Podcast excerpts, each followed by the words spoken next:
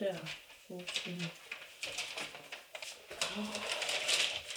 Nogle store billeder.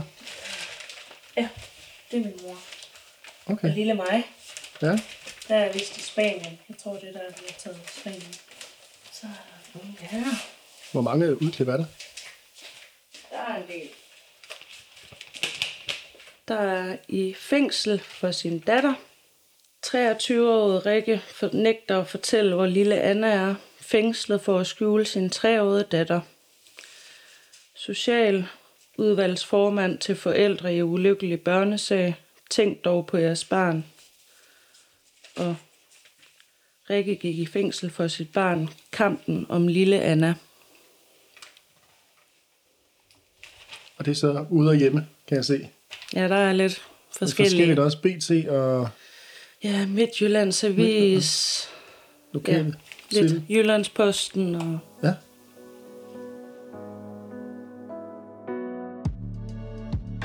Anna blev tidligt i livets centrum for sine forældres konflikt, der blev en stor sag i medierne. Hendes mor valgte nemlig at gå i fængsel, i stedet for at udlevere Anna til sin far. To gange måtte hun flytte på børnehjem, og som voksen har hun kæmpet i mange år med følgerne af en traumatisk barndom. Da hun søgte aktindsigt i sin egen sag, fandt hun ud af, hvordan det hele hang sammen. Mit navn er Anders Vendt Jensen. Jeg har skrevet bogen Uden min datter, syv års kamp for samvær, der kan streames, lånes og købes som e-bog og lydbog. Og jeg laver nu denne podcastserie om forældre i konflikt om deres børn. Du må meget gerne følge Uden min datter på Facebook, Instagram og Twitter. Og på hjemmesiden udenmindatter.dk kan du høre alle afsnit i serien. Musik og lyd er lavet af Oscar Vendt Mosgaard. Velkommen til afsnit nummer 39.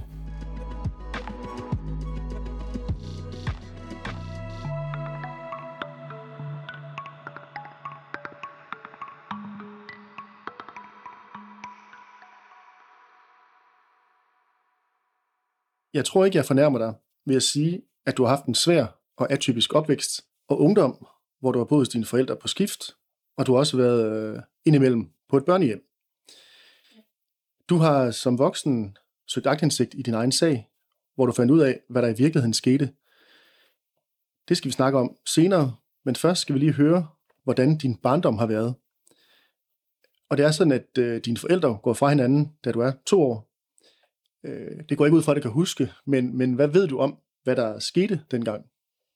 Jamen, øh, jeg ved, at de møder hinanden, da de er meget unge, øh, og min mor bliver ret hurtigt gravid. Øh, og det er et meget kaotisk forhold, de har. Sådan egentlig ret hurtigt bliver det meget kaotisk. Og så får de mig, og går fra hinanden, da jeg er omkring to år. Og øh, og hvor gamle er de på det tidspunkt? Ja, min mor, hun er lige blevet 19, da de får mig, og min far er omkring 20. Så ja, der må min mor være omkring øh, 21, 22, og min far må vel være 23, 24, sådan cirka. Ja, så de er ret unge forældre, ja, kan man sige. unge. De er meget ja, unge, ja. ja. Og hvordan valgte de så at, at have samvær med dig? Øhm, de vælger at få fælles forældremyndighed, og jeg er sådan rimelig ligeligt fordelt med, med samvær, ser dem begge to jævnligt. Og det er din mor, der bliver boende i et hus, og din far flytter, eller hvordan? Øhm, det ved jeg faktisk ikke. Øh, Jeg tror også, de har flyttet meget rundt. Okay. Og ved du så, hvorfor ordningen gik galt? Ja, øhm, det øh, begynder, da min far han får en ny kæreste. Øhm, jeg tror, det er et halvt år, et år senere, cirka. Det er ligesom om, ja, det er det, der gør det. Okay, og hvad sker der så? Altså, hvad er det, din mor, hvordan reagerer hun? Jamen, hun begynder at, at ikke vil udlevere mig lige så meget til min far, øh, begrænse vores samvær.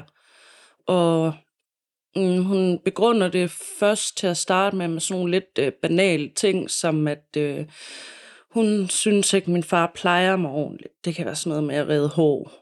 Øh, jeg har noget mellemørsbetændelse, og det synes hun ikke lige, han plejer ordentligt. Øhm, og ja, hun mener også, at jeg er forvirret over, at min far har fået en ny kæreste. Og så synes hun, at jeg skal have ro på. Det er ligesom hendes argument for at begynde at begrænse vores samvær. Så det er der, det starter. Første gang hun søger den fulde forældremyndighed, det er jo i byretten, og der får hun, øh, får hun den fulde forældremyndighed. Ja. Øhm, Og hvad er begrundelsen, ved du det? Ja, altså, der er begrundelsen, at hun er mor. Jeg kan ikke se, jeg har jo øh, øh, retsdokumenterne, nogle af dem derfor, jeg kan ikke se, at der er nogen væsentlig grund, udover at hun er mor, og man mener, at jeg har, så må jeg have en tættere knil, tilknytning til hende, fordi hun er min mor. Og, og hvad sker der så derefter? Jamen, øh, altså, det udvikler sig øh, fra min mors side til mere og mere samværssabotage. Og fra at de her små banale ting, som at jeg ikke lige bliver plejet ordentligt, og at jeg er lidt forvirret over situationen, så går det til nogle alvorlige anklager om incest, og at jeg bliver taget fat i, og ja, sådan nogle voldsomme anklager. Øhm, og det ender så med, at øh, hun tager mig med til Spanien. Øh, min far skal hente mig fra børnehaven, og så er jeg der ikke. Så har hun taget med mig til Spanien, og dernede er vi i nogle måneder. Kan du, kan du huske, du har været i Spanien? Ja, det kan jeg faktisk godt. Øh, nogle små glemt. Jeg kan huske, at jeg svømmer i sådan en pool, øh, hvor jeg leger, der er en hej efter mig. øh, og ja, så min oldemor passede mig nogle gange. Hun boede nemlig dernede. Øh, og så var vi i en slem bilulykke også dernede. Det husker jeg også. Så der er sådan nogle små glemt, jeg husker. Men øh, eller, altså, ellers husker jeg ikke rigtig så meget. Og hvad sker der så, da I kommer hjem? Jamen, øhm, så vil altså myndighederne vil jo have hende til at udlevere mig, og det vil hun ikke, og jeg bliver efterlyst. Politiet er faktisk også ude at lede efter, efter mig. Og så bliver hun så fængslet, for indtil hun vil sige, hvor jeg er henne.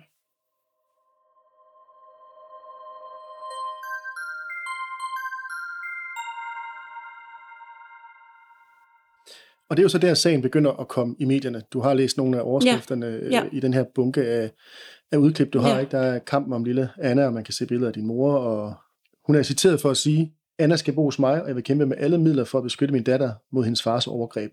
Øh, Jeg gør ikke andet, end enhver mor ville gøre i min situation, siger så din mor. Og hvad er det, hvad er det hun beskylder din far for at overgreb? Hvad, hvad er det, hun vil beskytte dig imod?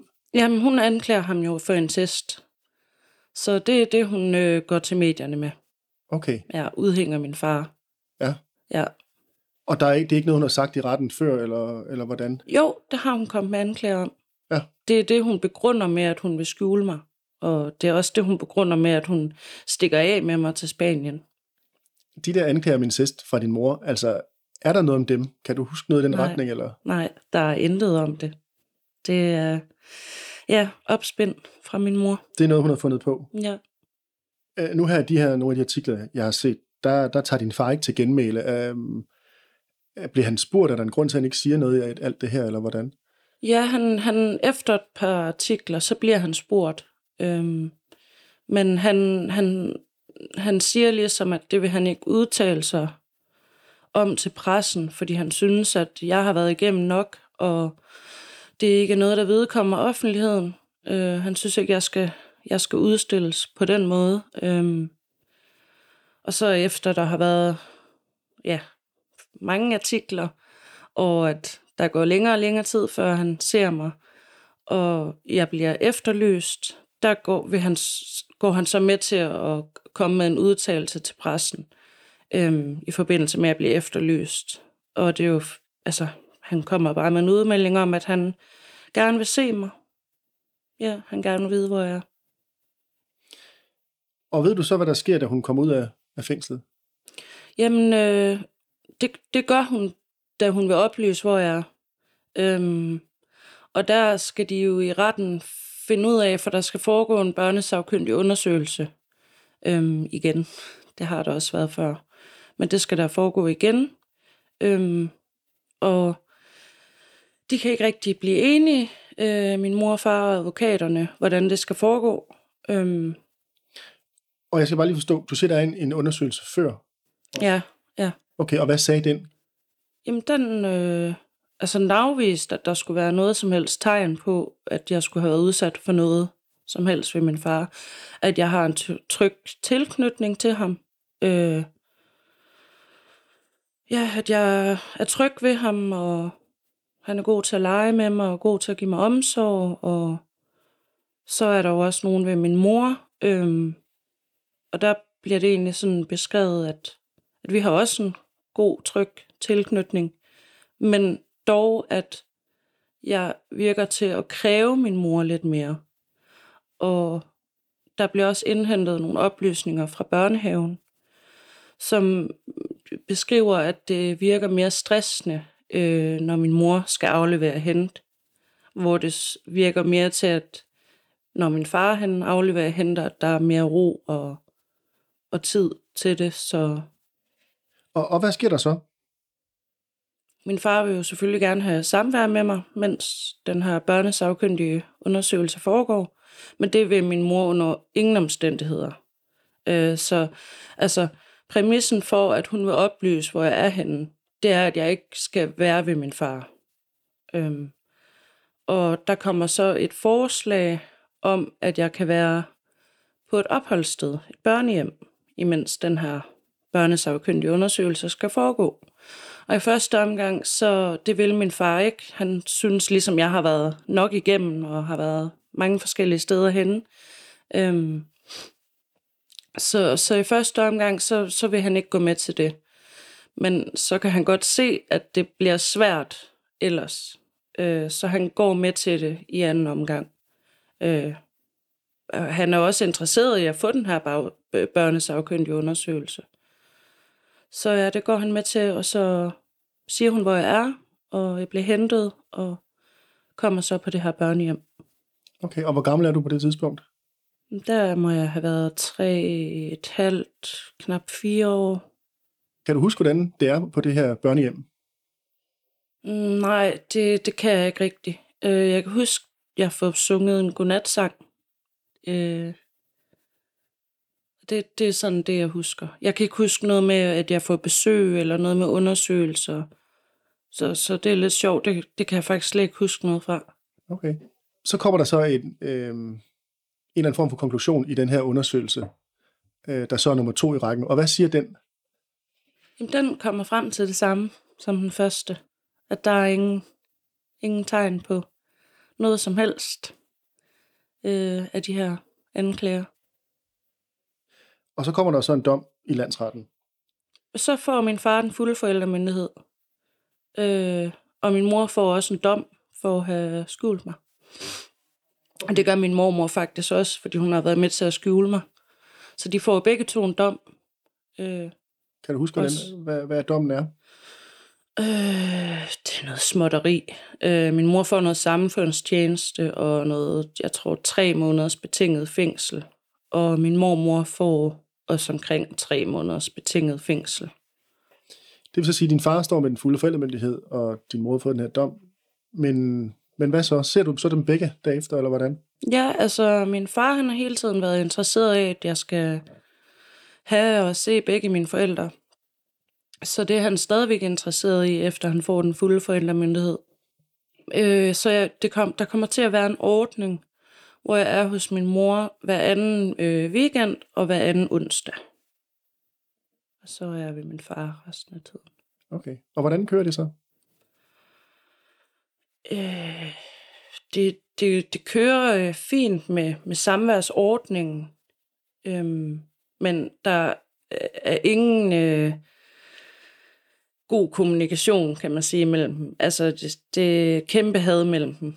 Øh, så jeg husker det som om alt, alt, hvor de har været, altså skulle aflevere og hente, øh, at det har været meget ubehageligt. Øh, man altså, har bare kunne mærke, øh, stemningen har været meget sådan, ja, angstfuld for mig.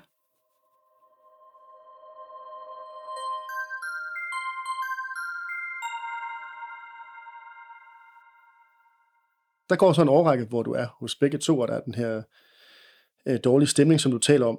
Øhm, og så er det sådan, at du så bliver 11-12 år, så flytter du fra din far over til din mor. permanent. Øhm, hvorfor det? Ja, altså, det tog rigtig hårdt på min far, alt det, der skete. Øhm, så han blev på en eller anden måde ødelagt. Øhm, og da jeg går tidligt i puberteten, øhm, så begynder jeg jo at blive oprørsk og begynder at søge svar. Øhm, og min far, han har fået noget PTSD. Øhm, han er vred, frustreret. Han kan ikke håndtere, at jeg søger svar, at jeg bliver oprørsk.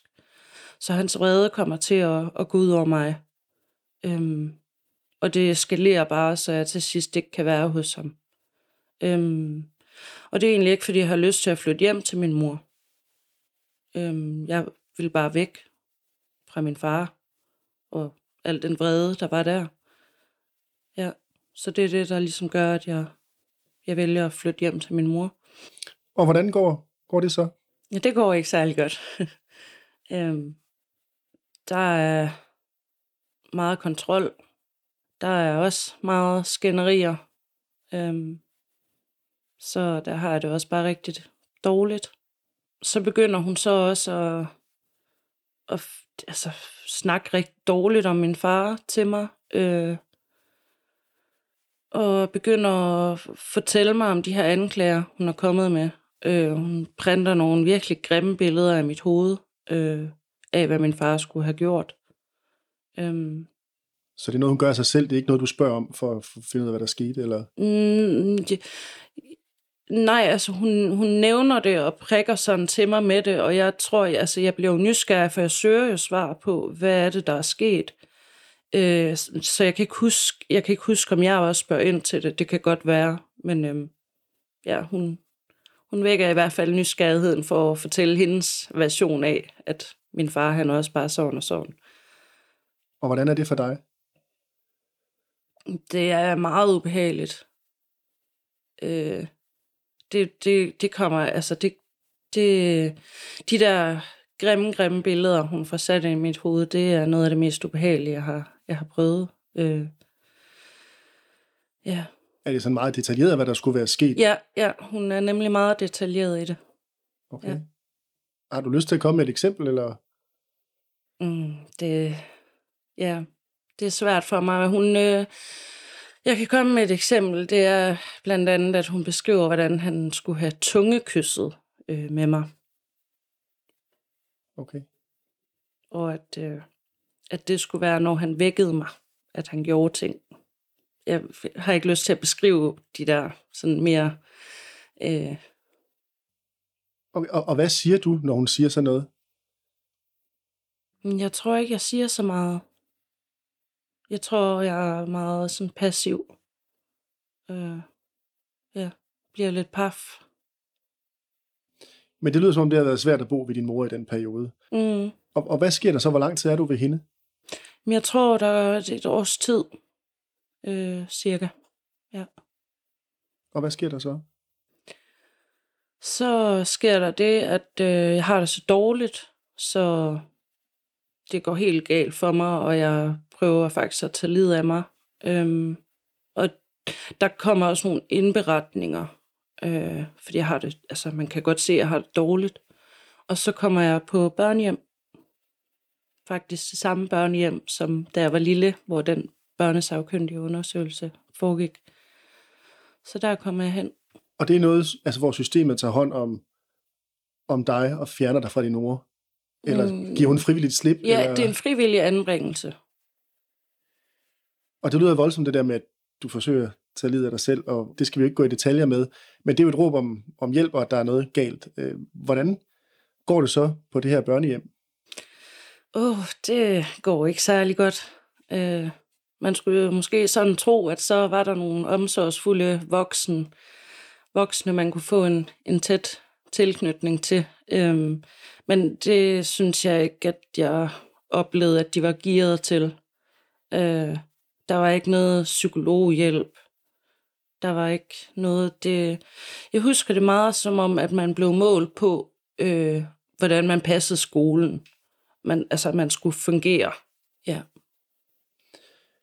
Og hvor lang tid bor du på børnehjemmet? Mm, jeg tror, det er omkring to år. Øh, sådan cirka. Og hvad sker der så derefter? Jamen, øhm, ja, s- altså jeg har det jo bare dårligt stadigvæk. Øh, og så forsøger jeg igen at tage livet af mig. Og der øh, siger min far så, at det går ikke. Og så flytter jeg faktisk hjem til ham igen. Og det er så i København på det tidspunkt. Han er flyttet derover. Og jeg kan lige sige, hvis ikke jeg har sagt det, at vi, vi er i Jylland. Det er bare for, at man lige forstår geografien. Ja. Øhm, hvordan går det hos din far i hovedstaden? Det må også have været en omvæltning. Kom derover. Ja, det var en stor omvæltning. Jeg vil sige, at min far han gør det bedste, han kan. Øhm, men øh, jeg, ja, så jeg trives ikke i København. Jeg har egentlig ikke lyst til at flytte til København, men det, jeg, ja, jeg vidste ikke, hvad jeg skulle gøre. Jeg kunne heller ikke lide at være på børnehjemmet. Så øhm, det, jeg savner mine venner øh, hjemme i Silkeborg. Og ja, har lyst til at flytte tilbage til Silkeborg. Og hvor lang tid bor du i København? Jeg tror, det er et lille års tid, cirka. Og så vender du tilbage. Ja, så vender jeg tilbage til Silkeborg. Og hvor gammel er du på det tidspunkt? Mm, der må jeg have været en 5-16 år. Øh, min far vil gerne flytte med mig til Silkeborg, men jeg mener, han er i gang med noget uddannelse derovre. Så det bliver sådan aftalt, at jeg skal bo ved min farfar, indtil han kan komme til Silkeborg. Ja. Og så er det så, at min far han flytter til Silkeborg, øh, hvor jeg så kommer hjem til ham og bo igen. Øhm, Har du kontakt med din mor i den her periode? Mm, det kan jeg ikke huske. Nej, jeg tror, det er en periode, hvor jeg ikke har kontakt med hende. Ja, det er det også. Fordi der, der er en periode inden, hvor jeg ikke snakker med min far. Øhm, da jeg begynder at snakke med ham igen, og jeg gerne vil besøge ham, så øh, ja, det er noget med, at børnehjemmet skal have en eller anden form for tilladelse fra min mor. De spørger hende i hvert fald ad, og hun vil ikke have, at jeg skal besøge ham. Øh, og så der bliver jeg rigtig vred på hende. Og så vil jeg ikke snakke med hende. Så der er en periode der, ja, hvor jeg ikke snakker med hende.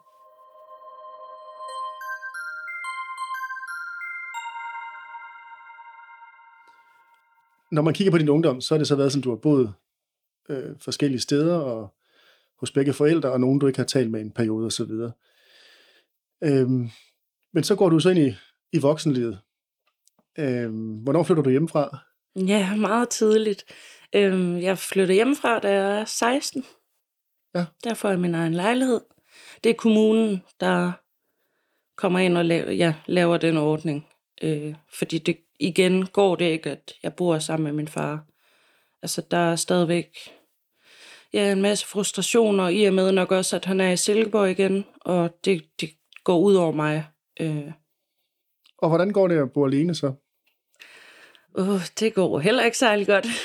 øhm, det, ja, det er rigtig svært. Øh, især fordi min far flytter til København igen. Øhm, og min mor snakker jeg ikke med. Så der er ligesom ikke den der støtte øh, fra nogen. Altså, jeg har ikke de der støtte voksen relationer. Og der er ikke altså, hjælp til regninger og handle ind og vaske tøj og gøre rent og alle de der ting. Hvordan går det så de, øh, de år der, som i starten af dit voksenliv? Det er meget kaotisk for mig. Øh, meget kaotisk år. Øh, og jeg får også skabt mig nogle sådan dysfunktionelle mønstre, også i forhold til mine relationer. Øh, så ja, jeg roder lidt rundt i mit liv. Øh, jeg ved ikke rigtig, hvad jeg skal, og jeg prøver lidt noget forskelligt med uddannelse, og, men det bliver ligesom et nederlag hver gang. Øh, så det er nogle meget hårde år, nogle meget kaotiske år. Øhm, men altså, hvor jeg bliver ved med at vende tilbage til på en eller anden måde at prøve at komme på rette spor, hvis man kan sige det sådan. Jeg kommer også omkring psykiatrien. Øhm, og jeg, i virkeligheden havde jeg jo bare længe haft brug for noget terapi, noget psykolog. Så, så det, det kommer det kommer sådan senere i mit voksenliv, hvor jeg møder en rigtig god psykolog. Og det har, fået mig på rette spor. Og i den der periode, øh, genoptager du kontakten med din mor? Ja, det gør jeg på et tidspunkt, men jeg kan ikke huske, hvornår. Altså, der er nogle år, hvor jeg ikke snakker med min mor, og nogle år, hvor jeg ikke snakker med min far, og det, det, sådan har det været gennem stort set hele mit liv. Men det vil sige, du kommer sådan lidt på, på ret køl og finder fodfæste og Ja. har lidt kontakt med dine forældre og så Ja. Men så er det så, at du for nogle år siden øh, vælger at søge agtindsigt i din egen sag. Ja. Øh, hvorfor gør du det? Jamen, altså, jeg har jo hele mit liv haft et ønske om at finde ud af, hvad der var sket. Hvad var det i virkeligheden, der var foregået. Øhm, og jeg har i mange, mange år i mit voksen, tidlige voksenliv haft en kæmpe identitetskrise med at forstå, hvem er jeg, hvad er det, jeg kommer fra. Øhm, men jeg har haft øh, rigtig svært ved at være i mine følelser. Øh, det, det, har, det har jeg næsten ikke kunne håndtere, at være øh, sådan i mine følelser. Øhm, så det, det tog mig mange års terapi at kunne lære at være i mine følelser og turde åbne op.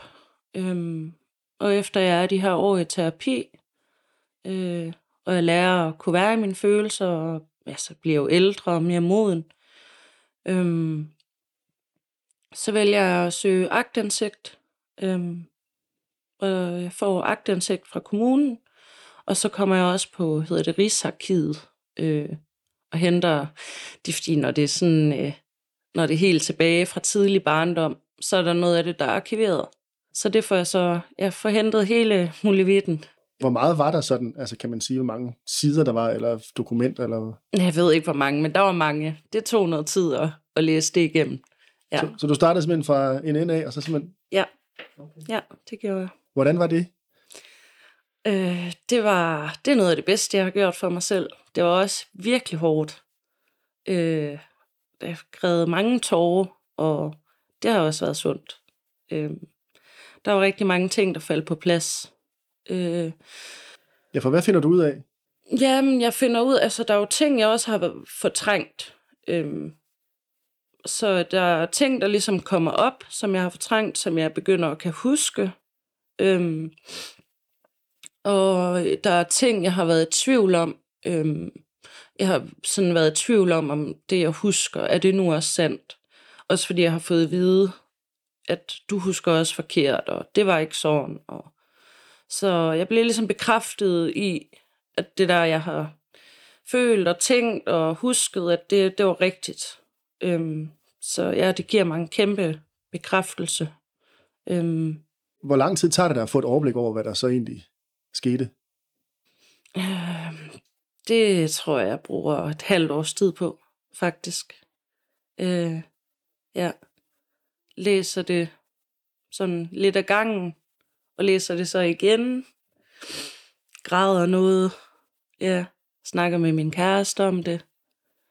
Bearbejder det sådan over tid.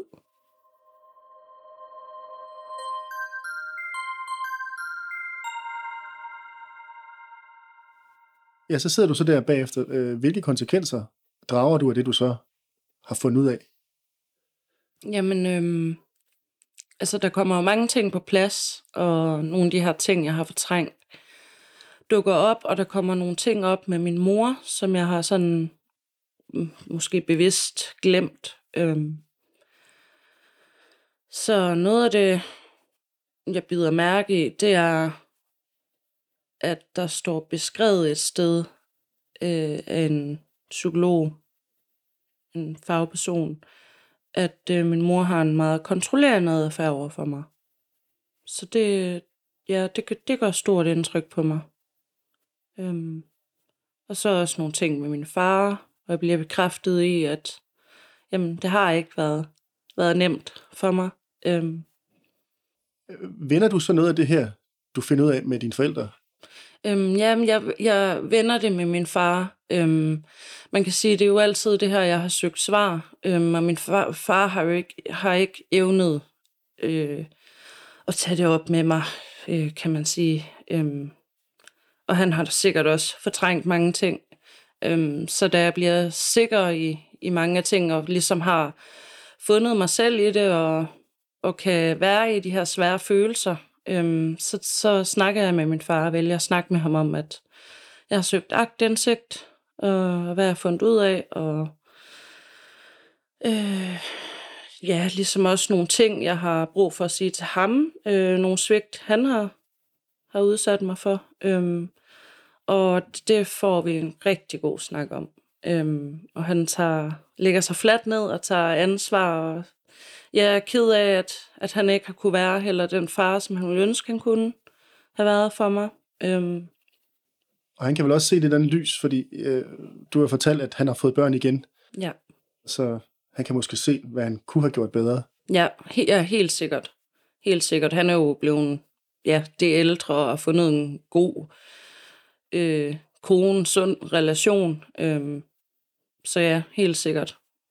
Og, og hvad sker der så der, derefter?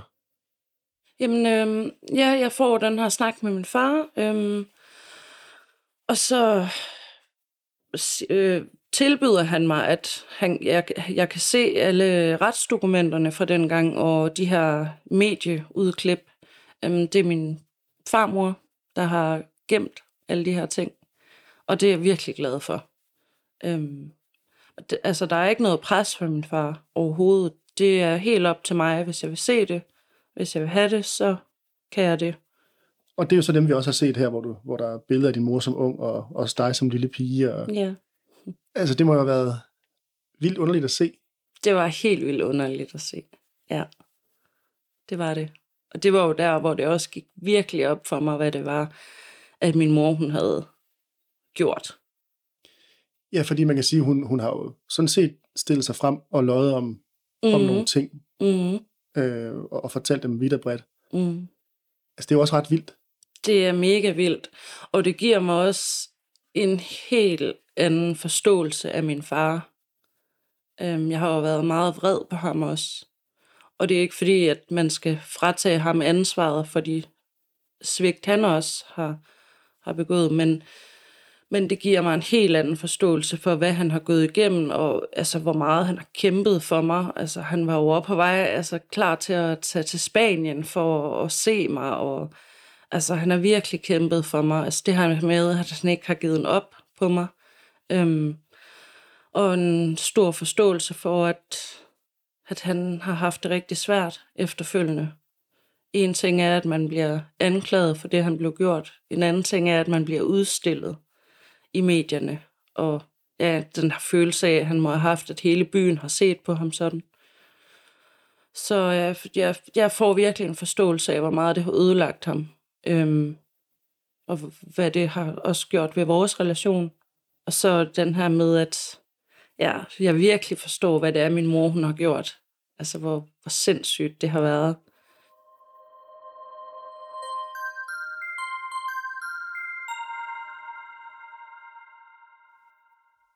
Og så kan man sige, du øh, konfronterer din far, og han lægger sig fladt ned, og så er der en form for forsoning. Mm.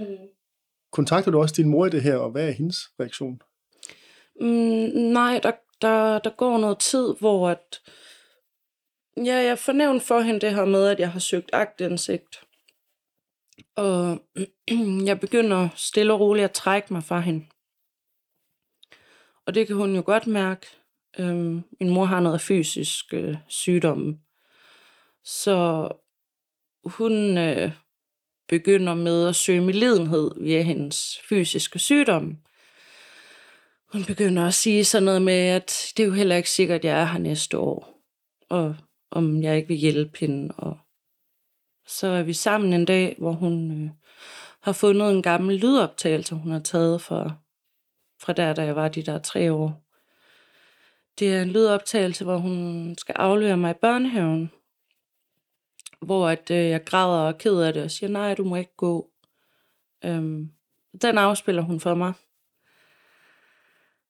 Som jeg, jeg tror, som en eller anden form for hendes hoved bevis for, at hun gjorde os det rigtige. Øh, Okay, så hun har simpelthen gemt nogle optagelser fra den gang, hun Ja. har lavet. ja. Så der afspiller hun for mig. Og på det her tidspunkt, der er jeg jo godt klar over, hvad det er, hun gør. Altså jeg jo godt klar over på det her tidspunkt, at det her, det er manipulation. Og hvordan er det at høre dig selv som lille? Det er jo virkelig hårdt. Altså, fordi jeg har jo, det var jo mega svært for sådan en lille pige at forstå, hvad det er, der foregår, så det er jo klart, at jeg er ked af det. Øh, så ja, det var hårdt at høre mig selv. Sådan, jeg græd og skriger. Og... Hvad gør du så, da du har hørt de her ting? Ja, så, så, øh, så skal jeg hjem. Så skal jeg lige tænke over, og ja, også bearbejde det. Øhm, jeg skal tænke over, hvad jeg vil med vores relation. Om jeg vil den. Hvad giver det mig?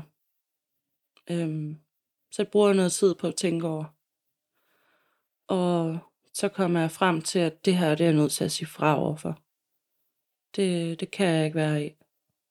Og hvorfor kommer du frem til det? Altså, det er jo drastisk, kan man sige. Mm. Fordi at øhm, en ting er, hvad der er foregået, da jeg var lille. En anden ting er, at jeg i mit voksenliv vil jeg ikke finde mig i at blive udsat for den her form for manipulation. Øhm, altså, jeg bliver jo bevidst om, hvad det er, hun gør. Og det har jeg ikke været før. Så, så det, er, det er ligesom det, der gør, at jeg sætter, sætter en grænse her over for hende. Og hvordan gør du det? Jamen, jeg, jeg sender en lang besked til hende. Jeg sender en lang besked til hende, hvor jeg siger det, jeg har brug for at sige til hende. Øhm, jeg siger til hende, at jeg ikke vil finde mig i, øh, at hun manipulerer sådan med mig. Øh, at jeg godt ved, hvad det er, hun gør, og prøver på at gøre. At jeg godt ved, hvad det er, hun har gjort, da jeg var lille. Jeg siger øh, faktisk også til hende, at det var ikke okay, hun øh, gik til medierne og udstillede mig med billeder af mig i medierne. Øh, altså konfrontere hende med de ting, jeg har brug for at konfrontere hende med. Og jeg ved godt, da jeg sender den her besked, at jeg får ikke noget svar på, altså hvorfor hun gjorde, som hun gjorde. Jeg kommer ikke til at få nogen undskyldning. Og jeg ved, at enten så får jeg ikke noget svar tilbage, eller så kommer jeg til at få et manipulerende svar tilbage. Så det er ligesom altså, afklaret med inden, kan man sige. Og hvad svarer hun så? Ja, jeg får så det sidste, øh, et manipulerende svar tilbage. Okay, hvad, hvad skriver hun? Jamen, hun skriver, at øh, hun har gjort det, det bedste, hun kunne for mig, og det var altså sådan, som hun sagde, det var det, hun troede, der var sket. Øh, så altså, hun fastholder det jo bare hårdnakket. Okay, så hun har aldrig forklaret for dig, hvorfor at du ikke måtte have kontakt til din far. Nej. Ikke, altså ikke udover, at det var jo fordi, at øh, han havde begået incest. Det fastholder hun den dag i dag.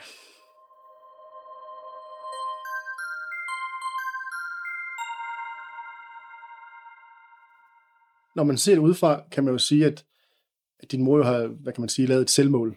Mm. Altså, fordi hun kunne have haft en kontakt til dig i dag, mm. og den har hun så ikke. Mm. Øhm, så man kan jo godt tænke, var det det værd? Mm. Øhm, det kan godt være, hun vandt på den korte bane, men, men nu har hun jo mistet dig.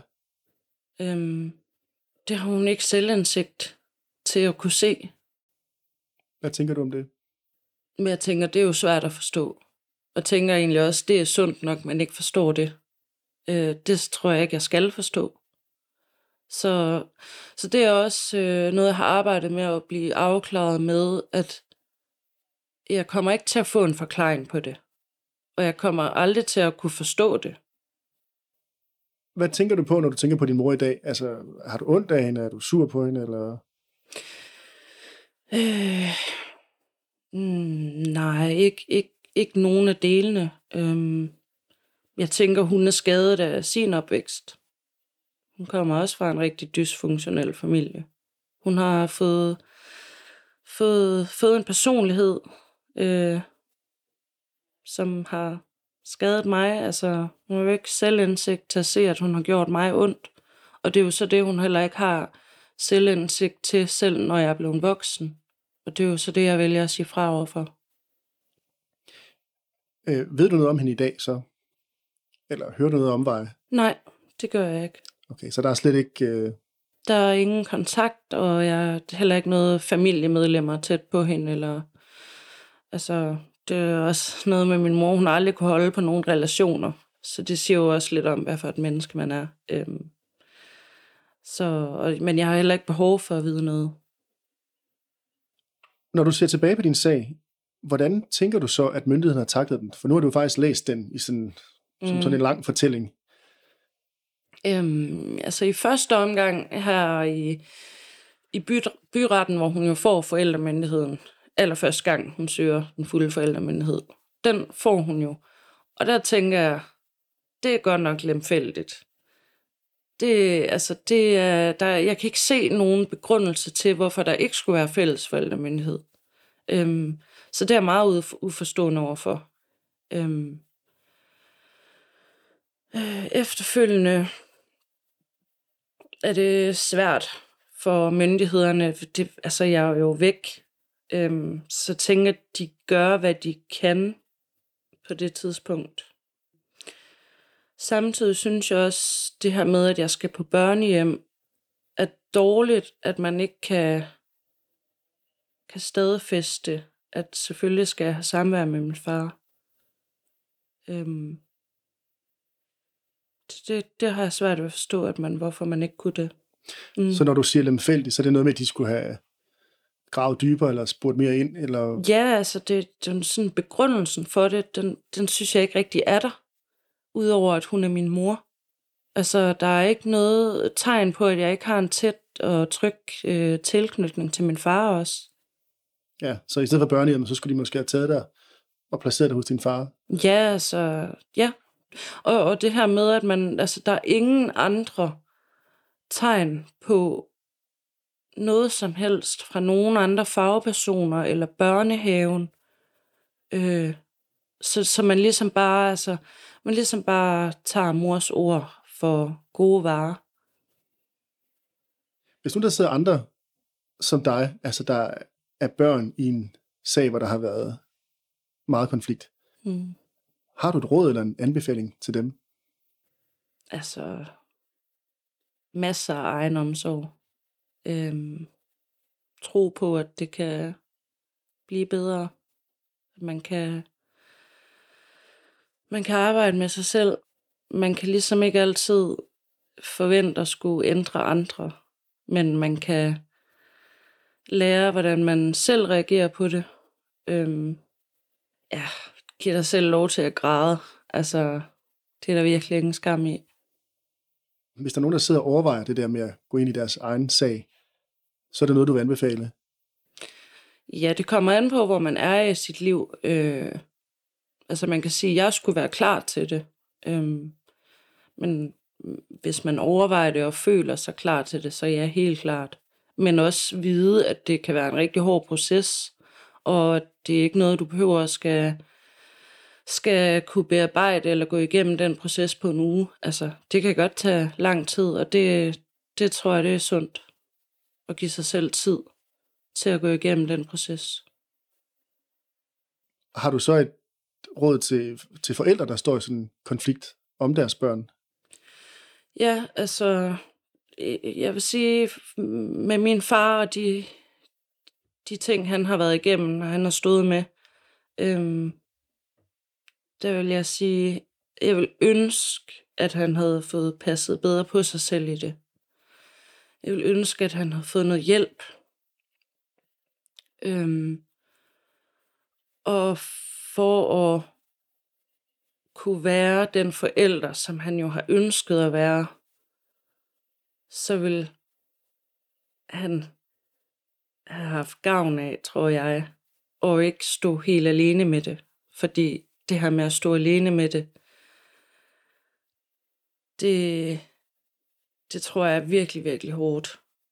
Øhm, og jeg tror, man kan miste sig selv i det. Altså, det er jo en kamp, hvor du så, ja, så er i en eller anden krig, hvor du øh, kører på instinkter. Øhm, så det vil jeg helt sikkert sige, altså få, få noget hjælp, altså al den støtte, du kan få i det. Altså virkelig husk, pas på dig selv i det. Og også noget med at tillade sig selv, hvis man ikke ser sit barn. Og kunne tillade sig selv også at have nogle glæder i livet.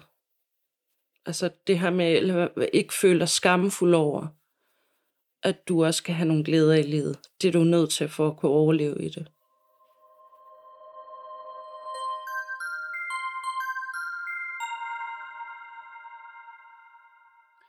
Og man kan sige, at du er kommet ud på den anden side. Hvad har du lært af alt det her? Mm, Jeg har lært meget om mig selv. Øh, især, altså især det her med, at, at jeg ikke skal forstå min mor. Det, det har været rigtig godt for mig. Fordi det er ikke alting, man kan eller skal have svar på. Og så det her med, at jeg har kunne tage snakken med min far, det har helt sikkert også betydet rigtig, rigtig meget. Altså, vi har fået en virkelig god relation i dag, hvor vi bare kan snakke helt åbent om tingene. Øhm, så har det givet mig meget selvindsigt til at forstå mig selv. Hvorfor har jeg haft det, som jeg har haft det? Øhm, ja, så den der identitet, hvad er det, jeg kommer fra? Hvor kommer jeg fra? Den er faldet på plads. Tror du nogensinde, du kommer til at se din mor igen? Det er et godt spørgsmål. Jeg har tænkt på det der med en gang, når hun skal herfra. Øh, altså, vil man komme til begravelsen? Det er bare noget, jeg må mærke efter, når den tid kommer. Det er noget med, hvordan føles det nede i maven. Men øh, altså, jeg har ikke noget behov for at, at se hende. Men man kan sige, det kan jo ligge langt ud i fremtiden. Mm, Øh, Du tænker ikke, at inden da, at du på nogen måde skal have kontakt? nej, nej, fordi jeg ved jo, hvordan hun er. Så jeg kan jo ikke tvinge hende til at få selvindsigt. Hvordan vil du reagere, hvis du møder hende nede øh, ved købmanden, eller hvor man nu møder folk? så vil jeg bare sige hej. Altså, det vil jeg ikke have noget problem med. Jeg er meget afklaret i det. Altså, jeg har ikke... Øh, jeg har ikke sådan, at jeg har lyst til at råbe og skrige af hende, altså sådan vrede. Øh, det, øh, men, jeg, men jeg har ikke noget behov for at skulle stå og interagere med hende. Altså, jeg har ikke noget behov for at høre, hvordan det går hos hende. Jeg har heller ikke noget behov for at fortælle hende, hvordan det går hos mig. Men jeg vil sagtens kunne smile og sige hej, og så gå videre. Hvordan vil du selv være som forælder en dag? Jamen, nu skal jeg jo ikke have børn. Det er et aktivt valg. Ja, hvorfor? Mm, fordi at øh, det kræver jo nogle ressourcer. Øhm, og jeg har nogle andre ting, jeg vil med mit liv. Har det noget med din sag at gøre? Nej, det, det har ikke som sådan noget med min sag at gøre, men jeg, jeg har jo nogle ting med mig, så jeg, altså sådan noget med at være social øh, i lang tid, altså jeg bliver meget træt, så altså jeg er begrænset i nogle af mine ressourcer.